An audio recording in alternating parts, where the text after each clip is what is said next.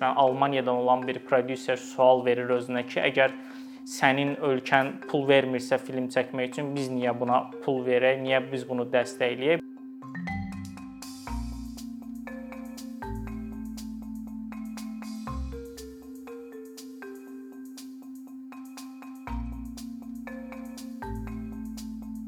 Son bir ildə Azərbaycan kinosunda yaradıcı insanların söhbət rejissorlardan gedirsə, ssenari müəlliflərindən gedirsə, əsas qayğısı və narahatlığı bu idi ki, ölkədə dövlət tərəfindən sifariş edilən heç bir film, bədii tam metrajlı bədii film istehsala buraxılmamışdı. İstehsala buraxılmamağı özlüyündə həmin o oradan bəslənən, or ora vasitəsilə öz yaradıcılıqlarını reallaşdıran insanlar üçün çox ciddi problem idi və bu insanlar öz işlərini ortaya qoya bilmirdilər. Belə bir narahatlıq var idi.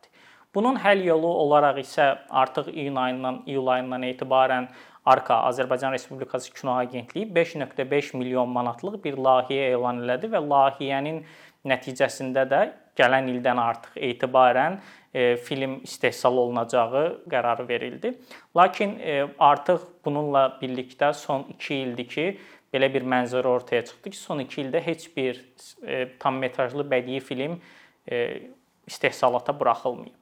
Bu isə insanlarda istər-istəməz narahatlıqlara səbəb oldu. İnsanlar da öz ətrafında baş verənlər barəsində, 2-ci Qarabağ müharibəsi barəsində və başqa bir çox məsələ barəsində filmlər gözləyirdilər. Lakin həmin gözləntilər qarşılanmadı. Ümumilikdə bütün narazılıqların bəlkə də əsas çıxış nöqtəsi bu idi.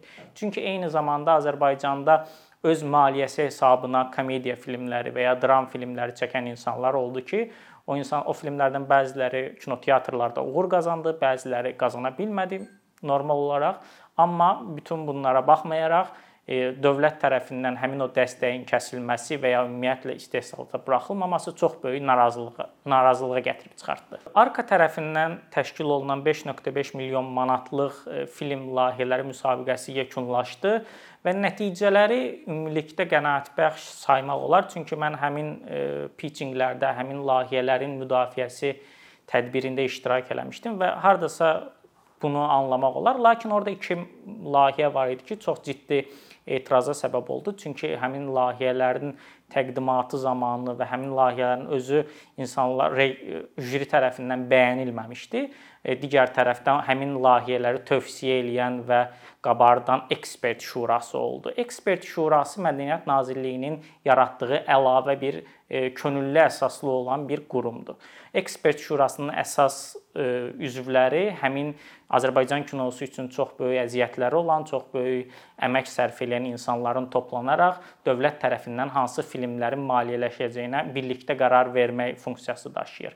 E, belə olduğu zaman həmin ekspert şurası tərəfindən təqdim olunan layihələr insanlarda müəyyən çaşqınlıq yaratdı. Çünki e, Arkanın belə bir iddiası var idi ki, biz bu layihəni tam şəffaf keçirdəcəyik və jüri nə deyirsə o olacaq. Amma jürinin seçdiyi iki layihə əvəzinə başqa iki layihə məsələyə daxil oldu. Burada sual yarana bilər ki, ekspert şurası niyə var və niyə yaradıldı? Bunun səbəbi nədir və həmin e, layihələrdə olan problemlər nədir? Ekspert şurasının mənə elə gəlir ki, yaranma səbəbi birbaşa olaraq e, dövlət tərəfindən maliyyələşən filmlərə nəzarət etmək, həmin filmlərin dövlət siyasətinə, dövlətin dünyaya baxışına uyğun olub-olmadığını müəyyən etmək və bir növ e, müxtəlif nüfuzlu kino adamlarını arxasına alaraq gələcəkdə baş verə biləcək hər hansısa bir problemin qarşısına sədd çəkməkdir. Çünki daha əvvəl belə bir təcrübə oldu ki, dövlət sifarişi ilə film çəkdilər. Söhbət burada Vaqif Mustafayevin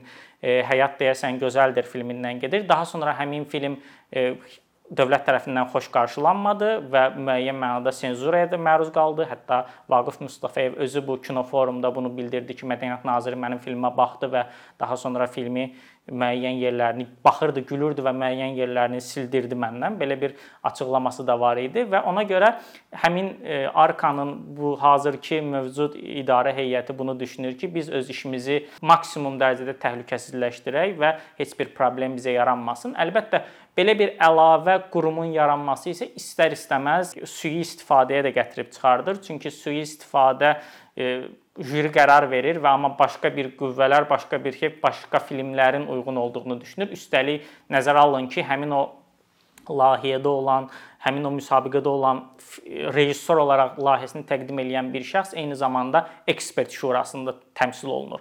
Bu özü özlüyündə maraqların toqquşması deməkdir və əlbəttə insanlar da bunu etirazla qarşıladılar. Daha sonra isə Arka belə bir açıqlama verdi ki, yox həmin filmlər inkişaf etdiriləcək və ondan sonra istehsalata buraxılacaq, ssenarisi üzərində iş gedəcək və s. və ilə axır. Amma yenə də nəticə fakt faktlığında qalır ki, həmin layihələr jürinin seçdiyi layihələr deyil, ekspert şurasının qərar verdiyi layihələrdir. Əlbəttə 11 tutalım orada 11 layihə var və 11 layihədə bunlar seçilib. Sual yarana bilər ki, 2 layihə bəlkə də göz yummaq olar, amma burada əsas məsələ odur ki, ümumilikdə 4 film var, tam metrajlı bədii film və onların ikisini ekspert şurası seçir. Bu öz özlüyündə konflikt yaradacaq məsələdir. Çünki 50% deməkdir. Ümumilikdə ayrılan büdcənin isə 1.8 milyonunu onlar ayırıblar e, həmin iki filmə. Bu isə ümumi büdcənin 5.5 milyonluq büdcənin 33% deməkdir. Yəni rəqəm olaraq çox böyükdür. İlkin olaraq biz baxdığımız zaman cəmi 2 layihə kimi görünür, amma e, maliyyə olaraq çox böyükdür, faiz olaraq da çox böyükdür. Bu senzura məsələsi ümumilikdə Azərbaycan kinosunda son bir neçə ayda həddindən artıq qabardı və həddindən artıq bunun ətrafında da müzakirələr döndü. Bunun əsas səbəbi isə Dokubaku Beynəlxalq Sənədli Filmlər Festivalında baş verən hadisə idi.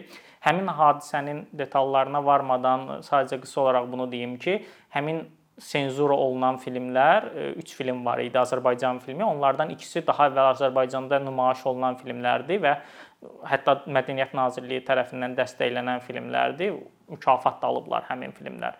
Sadəcə yeni arka rəhbərliyi düşünüb ki, bu layihələrdə müəyyən qədər problem yarana bilər və onun üçün əlavə ehtiyat tədbirləri də görüblər. Yenə ekspert şurasında olan kimi burada da əlavə ehtiyat tədbirləri görüblər və həmin layihələri buraxmadılar. Burada festival rəhbərliyi ilə Mədəniyyət Nazirliyi arasında belə bir sövdələşmə oldu.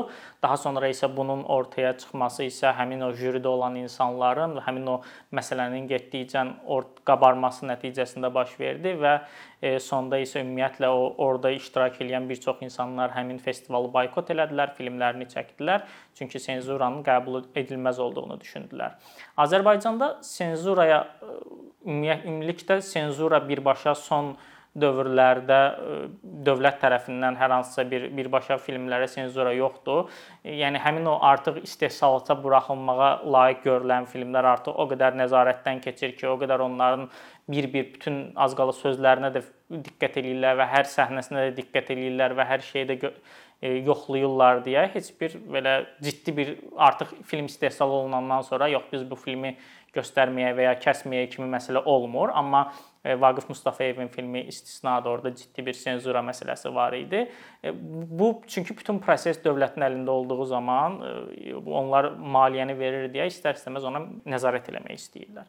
Nəzarət etmək istədikləri üçün də artıq hər şey artıq təmizlənmiş olur. Hər heç bir sual yaradacaq bir məsələ olmur və filmlər istehsalata buraxılır. Əlbəttə bu yaradıcı insanların qarşısında çox böyük maneələr yaradır. Çünki yaradıcı insanlar öz ideyaları var. Onlar öz ideyalarını ortaya qoymaq istəyirlər və öz ideyaları tam ortaya qoymadıkları zaman, müəyyən kompromisə getdikləri zaman istər-istəməz filmləri düşündükləri kimi olmur. Ağıllarında olduğu kimi olmur. Nəticədə ortaya çıxan iş də yaxşı olmur. Bu kimi hallarda rejissorlar bəzən isə özünü senzuraya məcbur qalırlar. Çünki artıq özünü senzura yedirilmiş bir şey olur onların düşüncələrində və öz filmlə ideyalarını artıq elə düşünürlər ki, burada heç bir əlavə bir senzuraya ehtiyac qalmasın. Əlbəttə bu yaradıcı insanların e, müəyyən özünü ifadə problemlərinə gətirib çıxardır və ümumilikdə ortaya çıxan işlərin keyfiyyətini aşağı salır və insanlar da təbii olaraq tamaşaçılar da bunu anlayırlar və çox da xoş qarşılamırlar. E, bir, bir digər tərəfdən burada əsas məsələ filmlərin maliyyələşməsi məsələsidir ki, tutalım biz e, filmlərin maliyyələşdiyi zaman ümumiyyətlə Azərbaycan mənə görə indi Azərbaycan kinosunun ən böyük problemi dünya kinosuna, dünya kino ekosisteminə inteqrasiya ola bilməməyidir. Çünki dünya kinosunda, xüsusilə Avropa kinosunda ən çox, ən populyar olan məsələ e, co-production, yəni ortaq istehsaldır. Amma Azərbaycan bundan kənarda qalıb. Çünki Azərbaycan dövləti həmin o müxtəlif filmlərin ölkələrini dəstəkləmir, müxtəlif fondlar yoxdur. o həmin yaradıcı insanlara pul versinlər və istər-istəməz belə olduğu zaman, məsələn, Almaniyadan olan bir prodüser sual verir özünə ki, əgər sənin ölkən pul vermirsə film çəkmək üçün biz niyə buna pul verək, niyə biz bunu dəstəkləyək? Bu kimi məqamlar rejissorların öz ideyalarını reallaşdırmaqda çox problemlər yaradır. Rejissorlar istəyirlər ki, məsələn, tam bir filmin müəyyən bir büdcəsi var, film kollektiv bir işdir və maliyyə tələb eləyir. Həmin o büdcəni formalaşdırmaq üçün çox əziyyət çəkirlər, bəzən formalaşdıra bilmirlər. Nəticədə isə bu yekun məhsula təsir eləyir. Yəni Azərbaycanın ilk olaraq etməli olduğu şeylərdən biri dünya kino prosesinə adaptasiya olmasıdır ki, dünya kino prosesində. Çünki filmlər özləri bahalı şeydir deyə bunu bir ölkə öz məsuliyyətini götürmür. Yəni Azərbaycanda film çəkilir və filmin bütün e, maliyyəsi dövlət tərəfindən qarşılanır. Amma tutalım Almaniyada və ya başqa ölkələrdə bu belə deyil. Əvəzinə bir neçə maliyyə mənbəsindən pul alırlar və bunun nəticəsində də risk də aşağı olur. Biri var bir filmə 1 milyon verəsən, bir də var cəmi 100 min verəsən.